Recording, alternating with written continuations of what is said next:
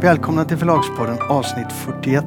Det är det näst sista avsnittet i år. Vi kör faktiskt ett avsnitt på nyårsafton. Det är lite summerande avsnitt där vi bland annat eh, går igenom, eller Kristoffer går igenom hur året har varit och vi återser några gamla godingar. Och så har vi en liten speciell intervju med makthavare i den svenska bokbranschen. Men det är då. Nu kör vi igång. Välkomna!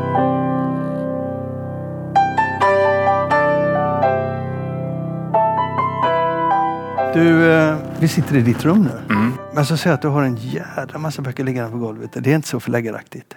Och överst ligger eh, Mirko Porvalis tredje delen i hans trilogi va? Ja, hans Deckartrilogi. Karelen Noir. Ja. Eh, Så tänkte jag då, har du läst den på finska?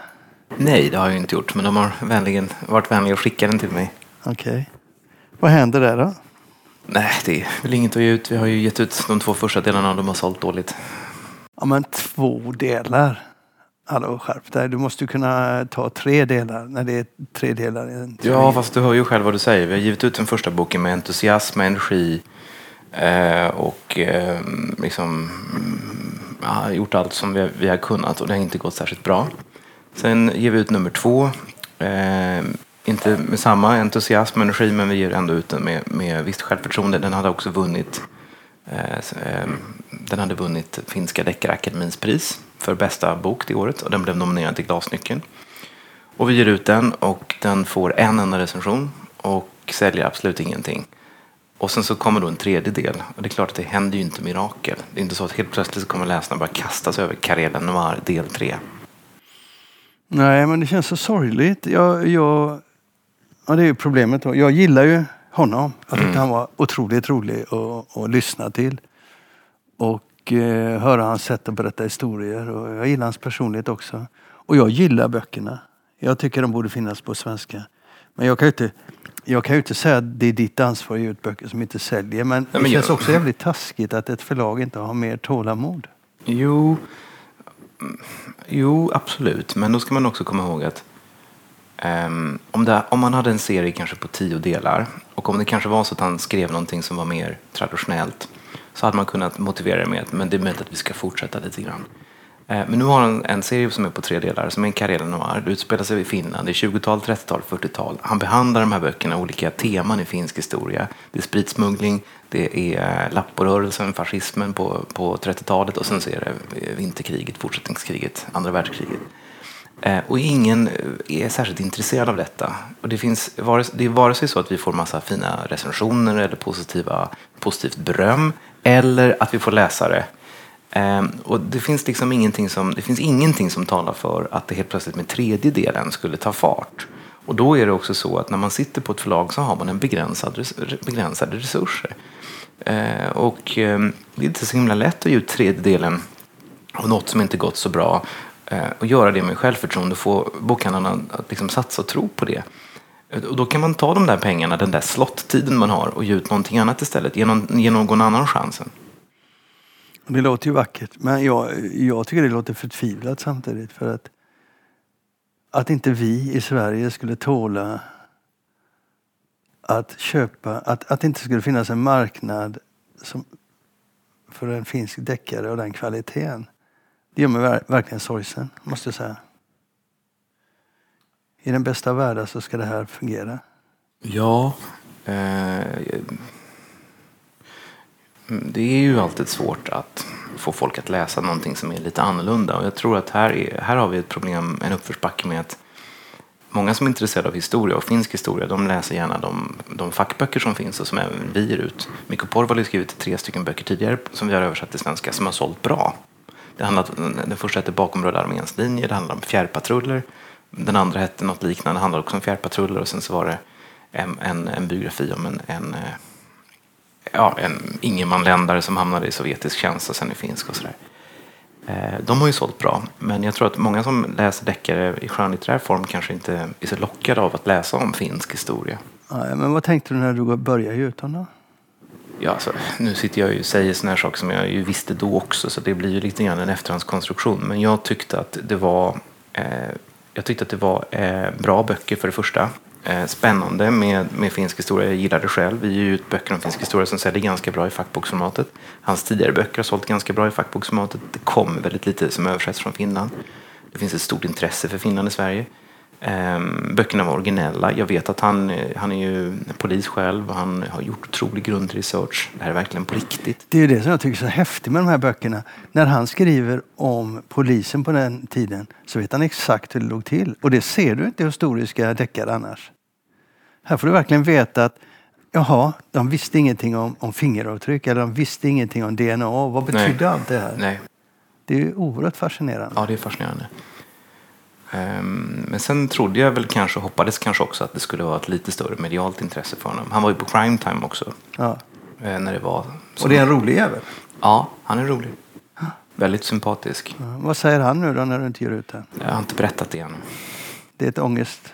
Alltså jag, fortsätter, vi fortsätter, vi, jag fortsätter gärna ge ut böcker om Mikko Porvali. Men jag, jag, jag tror kanske att liksom, nu, nu har vi gjort två, två delar i den här serien och de har inte gått så bra. Då finns det kanske ingen anledning att fortsätta med den tredje. Vi kanske ska ta den budgeten som vi har för tredje delen och lägga på hans nästa bok som kanske är något annat. Ja, vi hoppas att han, att han lyssnar på podden då så kommer du undan där lite ångestfyllda och säger nej tack.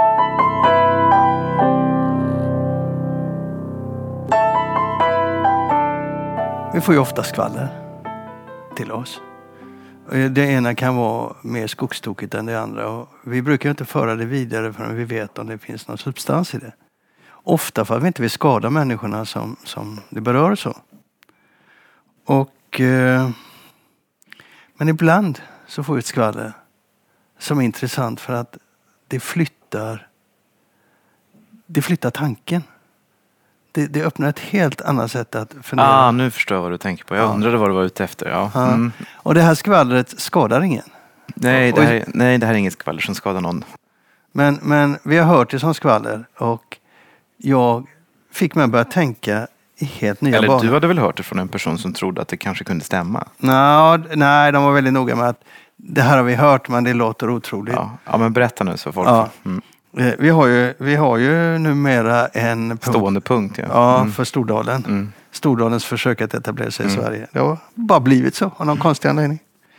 Ja, det är lite roligt att fjanta sig runt det. Eh, I alla fall då så fick jag höra det att Stordalen har köpt Niklas Salomonsson Agency. Ja, det, tro, det hade varit väldigt roligt.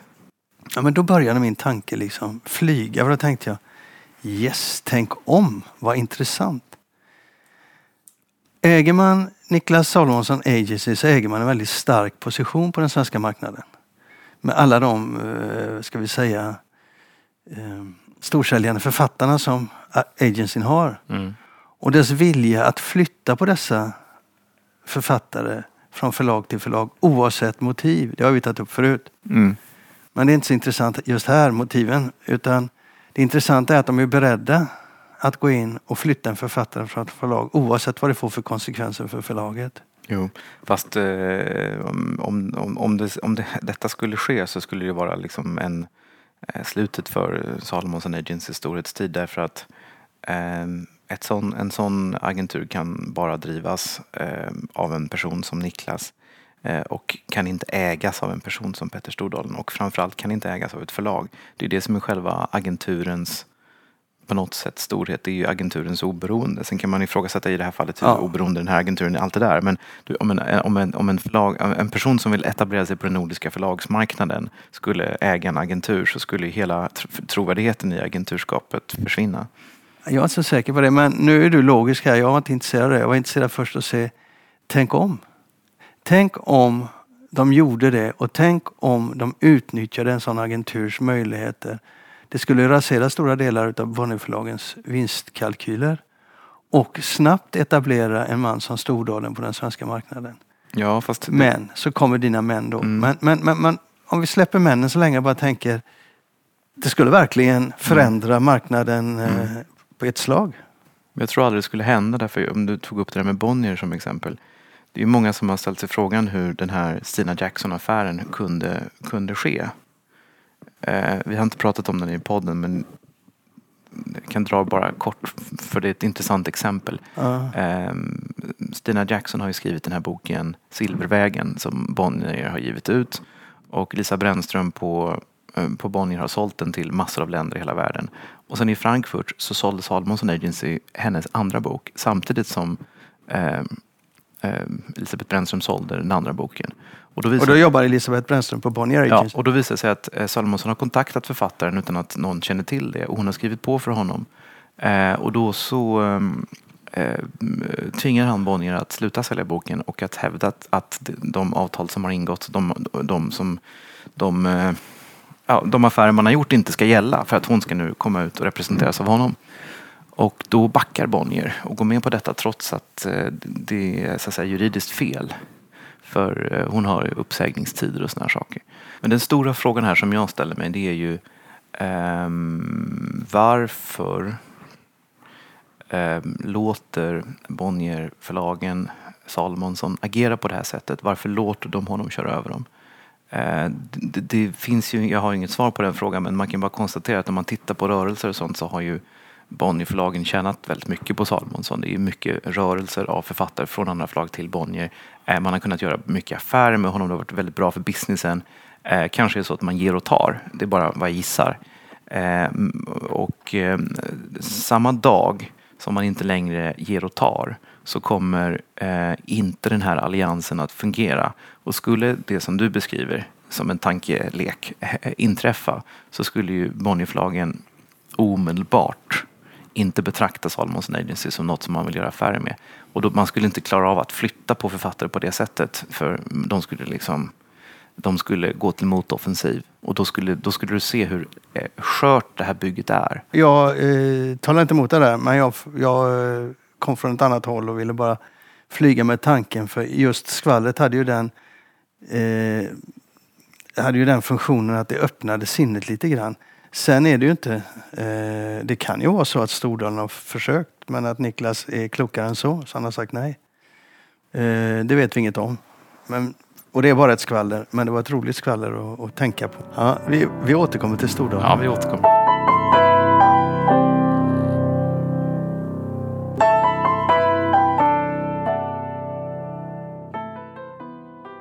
För ett år sedan så kom det på svenska en bok som hette Godnattsagor för rebelltjejer. Och eh, det var en bok som eh, kom på engelska ursprungligen. Eh, Night Stories for Rebel Girls hette den. Och den är då utgiven i Sverige av Max Ström. Det är en stor internationell supersuccé. Det har också kommit en uppföljare som är liksom del två på samma sätt. Och vi har givit ut en bok som heter Sagor för pojkar som vågar vara annorlunda som är en, en rip-off eh, helt enkelt av den här. Ehm, som eh, går jättebra. Den säljer så bra så att eh, det kommer bli våran mest sålda inbundna bok. Kanske inte på hela året men definitivt under hösten. Ehm, och det är den som går starkast nu i bokhandeln under julhandeln. Tyvärr så har vi tagit slut så vi får se hur mycket som finns kvar. Men, men hur som helst, det här är en supertrend. Och eh, i Frankfurt på Bokmässan så eh, var det flera förlag, jag tror jag såg tre, fyra. Andra rip-offs? Nej, inte rip-offs på det här sättet. För den här, den här var Eh, den här Sagor för pojkar som vi gett ut, det är verkligen en rip-off. Alltså den ligger väldigt nära vad gäller liksom upplägg, illustrationer, formgivning. Den är, eh, den är enormt nära. Sen tycker jag att det är en rip-off som är bra. Därför att det är en kreativ rip-off. Jag tror intressant nog ett svenskt lag hade aldrig vågat ge ut en sån, göra en sån. I England så är konkurrensen så stor. Eh, det finns en helt annan höjd. Det finns, det finns ett mycket högre tak för att man ska liksom våga vara kreativ och hoppa på saker och sådär. Eh, men den, den, är verkligen som en, en liknande bok fast för pojkar. Mm. Men den, det är verkligen en rip-off som ligger nära. Men nej, det kommer komma böcker. Alltså det, kommer, det här har satt igång en flod av biografier som är skrivna för barn. Harper Collins har, nej inte Harper Collins, Penguin har en serie, den har jag köpt faktiskt. Eh, Dolin Kindersley har en serie, den har jag inte köpt. Och sen så finns det ett, ett par, tre förlag till som har böcker på gång nu. Alltså det kommer väldigt mycket barnböcker som, eh, som eh, är biografier fast för barn. Och det är väldigt intressant. De här Rebel Girls-böckerna och eh, även då Sagor för pojkar som vi givit ut. Det är ju böcker som Alltså det är samma typ av personer som för, Det är väldigt mycket Malala, det är väldigt mycket Gandhi. Mm, alltså det är böcker som vill inspirera, böcker som vill lyfta fram goda exempel. Och det kanske också inte är så konstigt, vi, kommer, lever i en politiskt väldigt orolig tid. Det är Trump i USA, det är högerrörelser i Europa, det är svårt att bilda regering i Italien, Sverige och så vidare. Så det här, här, tror jag liksom att det, böckerna liksom kommer från en slags vuxenvärld här. Eh, och det tror jag också att det är böcker som föräldrar gärna köper till sina barn. Men min erfarenhet är att man kan aldrig lura barnen i längden. Utan eh, du kan inte liksom plocka fram böcker som du tycker att barnen ska läsa för de kommer inte liksom läsa dem sen. Eh, och min känsla är också att, att det är på riktigt en trend eh, där barnen verkligen läser de här böckerna och tycker det är kul att läsa dem. Det är intressant. Jag undrar varför. Vad tror du? Nej, jag tror du har givit svaret.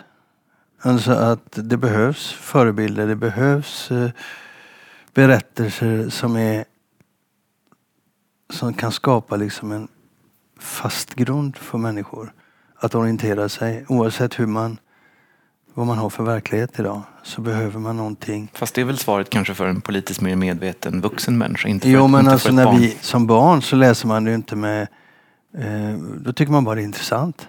Mm. Men drivkraften kan ju absolut vara den att det skapar en trygghet och en, eh, en nyfikenhet också såklart. Men, men eh, jag tror att det är rätt enkelt.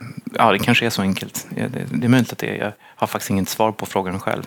Sen kan man ju också se att det finns ju rent allmänt så finns det ett väldigt stort intresse för biografier idag.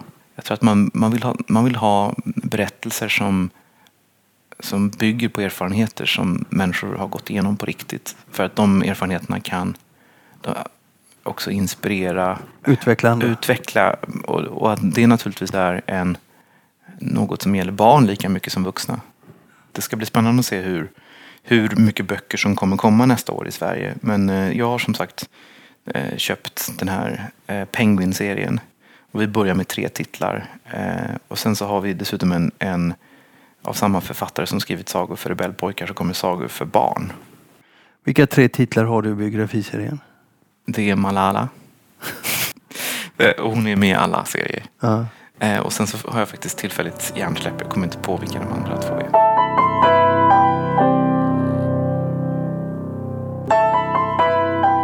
Det, ibland när vi pratar du och jag så går vi nästan in i en historia med tanken att den andra, det vill säga ofta är det du som tänker om mig, nu ska han bli så tröttsamt. Mm. Kört igen. Och alla vet vi vad han tänker. Men ibland får du fel. Ja, har du något som, tänker du överraska mig nu? Eller? Nej, Amazon har sagt att de ska etablera ett andra högkvarter. Och jag tänker orka, ointressant. Men det är stora pengar. Det är, eh, eh vad ska man säga, eh, det påverkar, det som, är, det som har skett i Seattle med Amazon visar att det påverkar staden och invånarna på alla plan. Och då har det varit en tävling där Amazon har gått ut och sagt detta. Jag vet inte hur många städer eller områden i USA som har fjäskat för dem mm. och lovat eh, Erbjudit olika ja. tunnelbanevagnar som det står Amazon på, eh, allt, skattelättnader, badhus och allt möjligt. Allting ja. Och nu har de bestämt sig Amazon då och eh, de har bestämt sig för en stad i New Yorks storstadsområde ska man säga på Long Island, Long Island City. Och likadant en eh, liten stad i eh, Virginia utanför Washington. Och de flesta kritikerna av detta, de menar då att det här hade de gjort innan. Så att det här var bara ett sätt för Amazon att få fördelar. fördelar. Och de har ju fått enorma fördelar. Så som jag läser det i, i pressen i USA så, så rör det sig om tre miljarder dollar eh, värdet på de förmånerna som Amazon erbjuds för att etablera sig i Long Island City. 3 miljarder dollar, det är alltså nästan 30 miljarder svenska kronor. Ja, kanske inte är så mycket. Jo, det är mycket. Det är nästan som en svensk försvarsbudget. Ja. Det är mycket för en stad på Long Island. Öresundsbron kostade 20 miljarder som jämförelse. All right. Nu var det några år sedan i och för sig. Ja. Man ser ju direkt de förväntade reaktionerna från Long Island. Protester, protester, protester från lokal nivå. Och så ser jag då försvaret från politikerna högre upp. Det är en dans som man alltid ser mm. och som är väldigt tröttsam och rätt ointressant. Men vad man ser här nu mer, allt mer eh, i USA som man inte sett tidigare, för tidigare så tystades sånt här ner mer eller mindre. Men nu ser man en mycket bredare reaktion. Och man pekar på till exempel det faktum att om Amazon kommer in på Long Island City som är en stad som inte gör något större väsen av sig. Mm. Jag menar det är oerhört mycket fattiga människor. Nedslitna bostadsområden. Eh, taskig industri eh, i, i närområdet. Så kommer en av de stora centrala high-tech-företagen liksom som ett stort jävla rymdskepp och bara landa på granntomten. Boom! Och lovar 25 000 jobb. Och där i ingår väl väldigt mycket underleverantörer och jag tror de maxar en sån siffra för att visa hur duktiga de är. Men, men det är tillräckligt mycket utav eh, eh, ingenjörer, tekniker, bla bla bla bla, medelklass Mm. Till det kommer då advokater, eh, ja, alla möjliga yrken som rör sånt där. Och det är rätt brett. Mm. Och det är en rätt viktig grupp människor för en stad. För att få en levande stad så att säga. Och det smäller de ner här då. Och sen så är det en väldigt sluten företagsmiljö. Kulturellt bidrar de inte så mycket till en miljö. Det visar sig i Seattle. Vad händer där? Jo, dels så ockuperar de stora delar utav eh, staden och är en väldigt sluten miljö. Sen är de väldigt aggressiva gentemot eh, omvärlden. De, är, de har oerhört dåliga löner när det gäller de, de, Okvalificerade jobben. de okvalificerade jobben. Och de, är, de har en företagskultur som är rätt pissig för att vara, uttrycka sig kort Jo, och nej, men, nej men på så sätt så är de inte så roliga utan vad de bidrar med det är väl att arbetslösheten kanske försvinner i synnerhet om det har varit ett fattigt område. Eh, Det genererar väldigt mycket jobb, genererar väldigt mycket lokala skatteintäkter och du har också spin-off effekten på andra typer av restauranger, kaféer, kanske, Ja, har- kanske till och med lokala bokhandeln. Nå, men alltså grejen är den att de fattiga får ingen del av detta. Här försvinner alltså då 3 miljarder från området och, och, och då har de skitdålig eh, sjukvård. Mm. De har väldigt dålig skola. De har dåliga bostadsområden. Och de har alltså dålig eh, offentlig miljö. Det behövs ju pengar överallt. Och de tar de då utav de här människornas samlade pengar och lägger på Amazon. Och Amazon lägger det på det som gynnar Amazon. Och de är inte, det är inte så att de gynnar om, omgivningen på det sättet som du Nej. tänker. De, de är ju experter på att undvika skatter till Nej. exempel. Ja, verkligen. Men vad är huvudspaningen här? Huvudspaningen är här att det börjar föras en diskussion om de här frågorna på ett djupare plan. Och det är intressant att se att folk bryr sig. För ofta har det alltid varit så att de fattiga i sådana här områden bara försvinner ner i ett slukhål.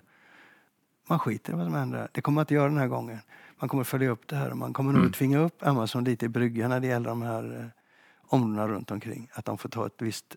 Socialt ansvar. Om det kommer att hända vet jag inte. men men det jag kommer- gillar att det blir jävligt mycket debatt om detta. Ja, jag, jag, det finns ett annat exempel på hur också em, opinionen mot Amazon kan bli så stark och så pass negativ att företaget faktiskt tvingas svänga.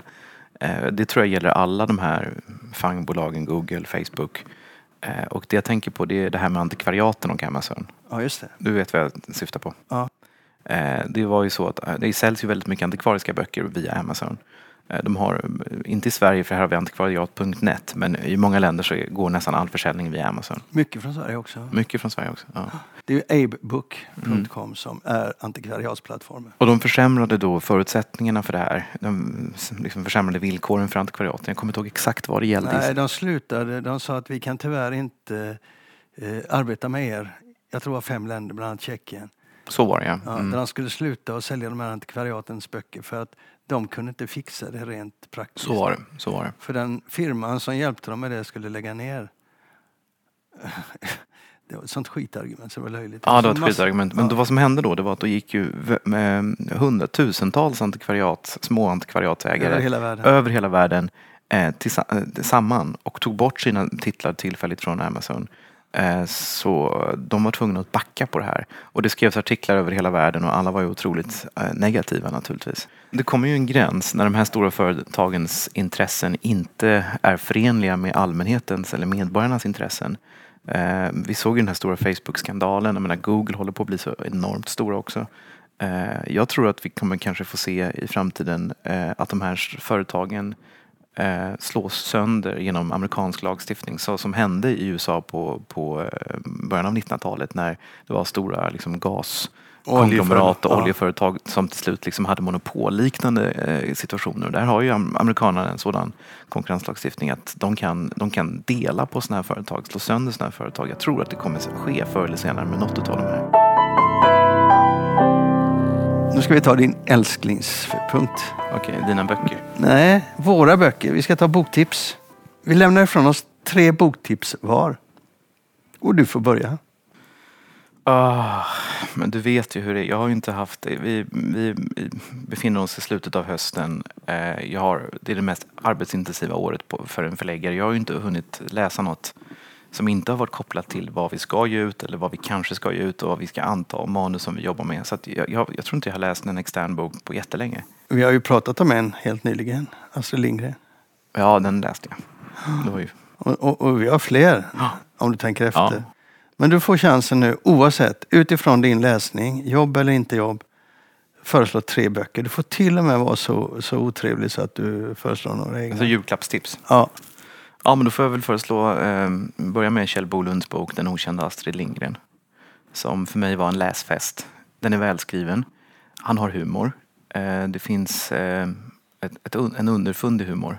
Exempelvis som när han, när han eh, skriver om, ah, om Astrid, hur Astrid Lindgren förhöll sig till kritiken mot en kommersiell utgivning så skriver han så här. Kanske menade Astrid att ett förlag inte definieras av sina dåliga böcker utan av de goda.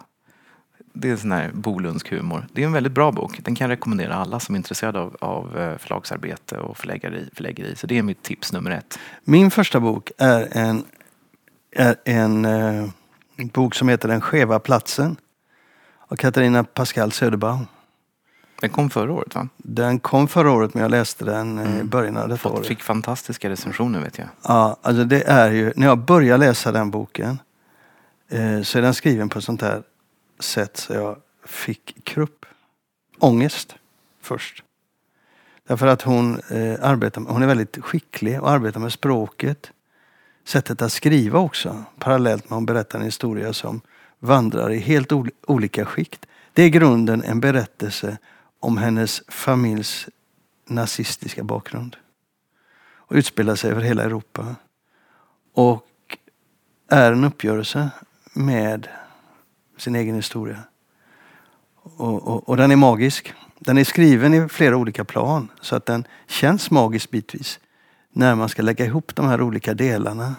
Och i början så och sättet hon skriver på det gjorde att jag tyckte det var sketjobbigt. Vi hade den i våran, eh, i våran eh, bokklubb som består av, där jag är yngst, kan du tänka dig? Oj. Ja, Mm. men det är ett gäng med, vad är vi, åtta, nio gubbar. Och det är otroligt roligt. Jag, jag debuterade där i år, då, min första bokklubb någonsin. Men jag har sällan så roligt som när vi sitter och ljuger ihop. Och, och eh, pratar om de här böckerna. Och vi hade den här boken.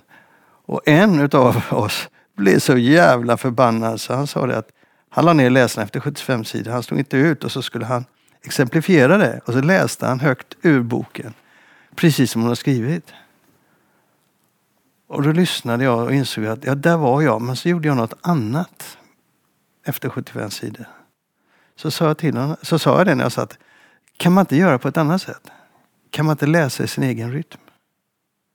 För jag bytte, jag följde inte språket utan jag läste i min egen rytm. Så som jag ville ta in historien. Och då försvann konflikten för mig. Och fram kom en bok som var underbar. Och väldigt, väldigt jobbig. Väldigt, väldigt krävande. Men eh, i dessa tider en berättelse som jag undrar alla.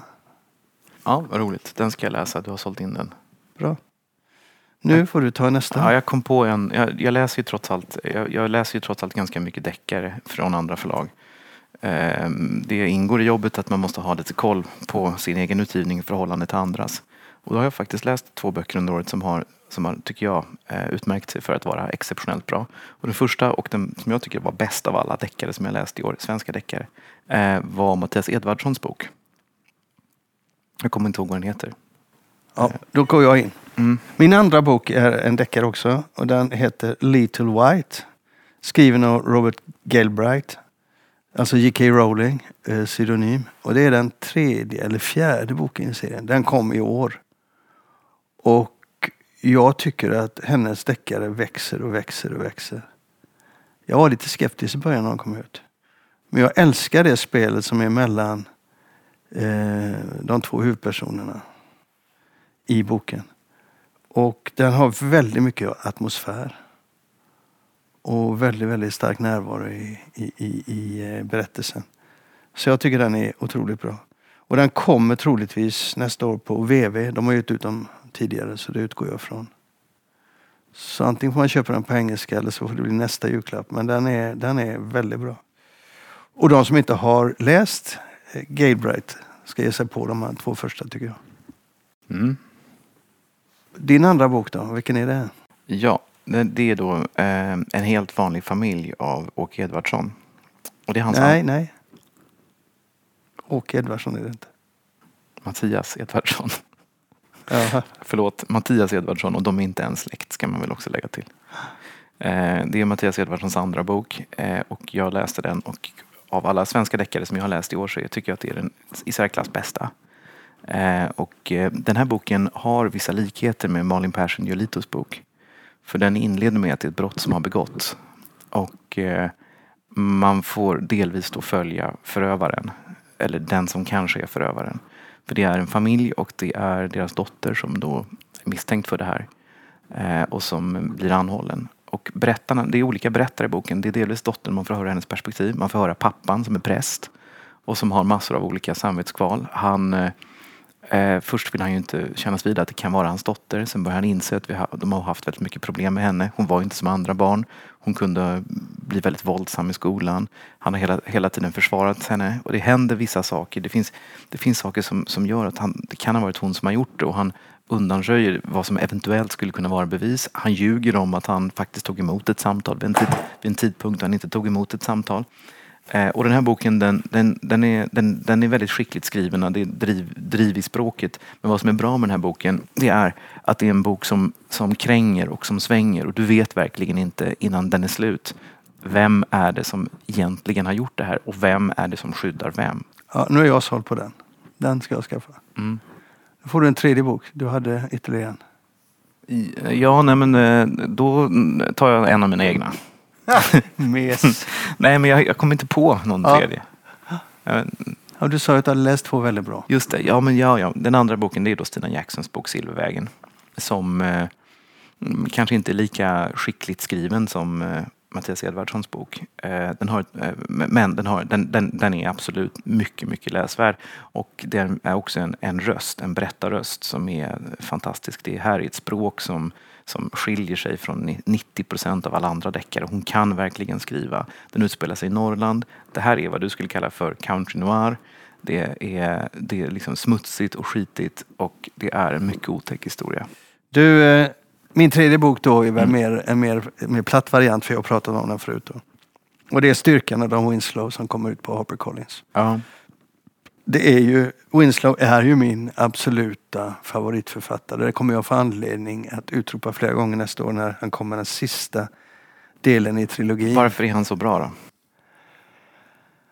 Åh, var börjar man? Alltså hans böcker är extremt täta. De är väldigt händelsedrivna. Hans research är djup och exemplarisk och den syns inte. Men när han berättar sina historier, väldigt komplexa historier, så inser du Alltså jag har ju alltid sagt det att det är hans böcker runt eh, den, här, den här trilogin, gränstrilogin ska man kunna Mm. kalla den, har ju fått mig djupare än någonting annat att förstå vad det handlar om. Vad livet kostar i de här gränstrakterna. Mer än media har skrivit. Och så. Det är på ett djup så jag fick ångest när jag läste den. Jag, till slut, till exempel, när jag läste eh, I hundarnas våld och eh, Kartellen, The Cartel, så kände jag verkligen ångest när jag läste den. Men samtidigt en oerhörd glädje över en så fantastisk berättelse som var så trovärdig och som fick mig att liksom förstå saker jag ser på ett mycket, mycket djupare plan. Så jag blev mycket klokare av de här böckerna samtidigt som jag blev väldigt förtvivlad över hur, hur mänskligheten kan eh, se ut. Och nu kommer då The Border till våren som är sista delen i den här trilogin. Men sen har jag stuckit emellan med den stora amerikanska romanen. Cita, citattecken. Han har skrivit Styrkan då, som jag pratat om, The Force som jag pratat om förut. Då, som handlar om eh, polisen i New York. Och det som är störande med den det är att man kan tänka sig att detta är 30-talet och 40-talet och 50-talet när man vet hur korruptionen ser ut. Men han har skrivit den idag och den är makalös. Otroligt driv i hans böcker. Det är fantastiska berättelser. Karaktärer som, eller, eller personer som verkligen håller samman och eh, som är, ska man säga, de är lite magiska i sin gestaltning. De, de, de, de, de växer upp och så slås de ner. Alltså det är verkligen titaner som går i backen. Eh, det är otroliga berättelser. Nu är jag lite flummig där men, men styrkan är ett säkert kort för den som eh, vill köpa en bra bok till någon mm. jul. Bra. Ja. Klarar jag oss igenom detta med heden i behåll tycker mm. du?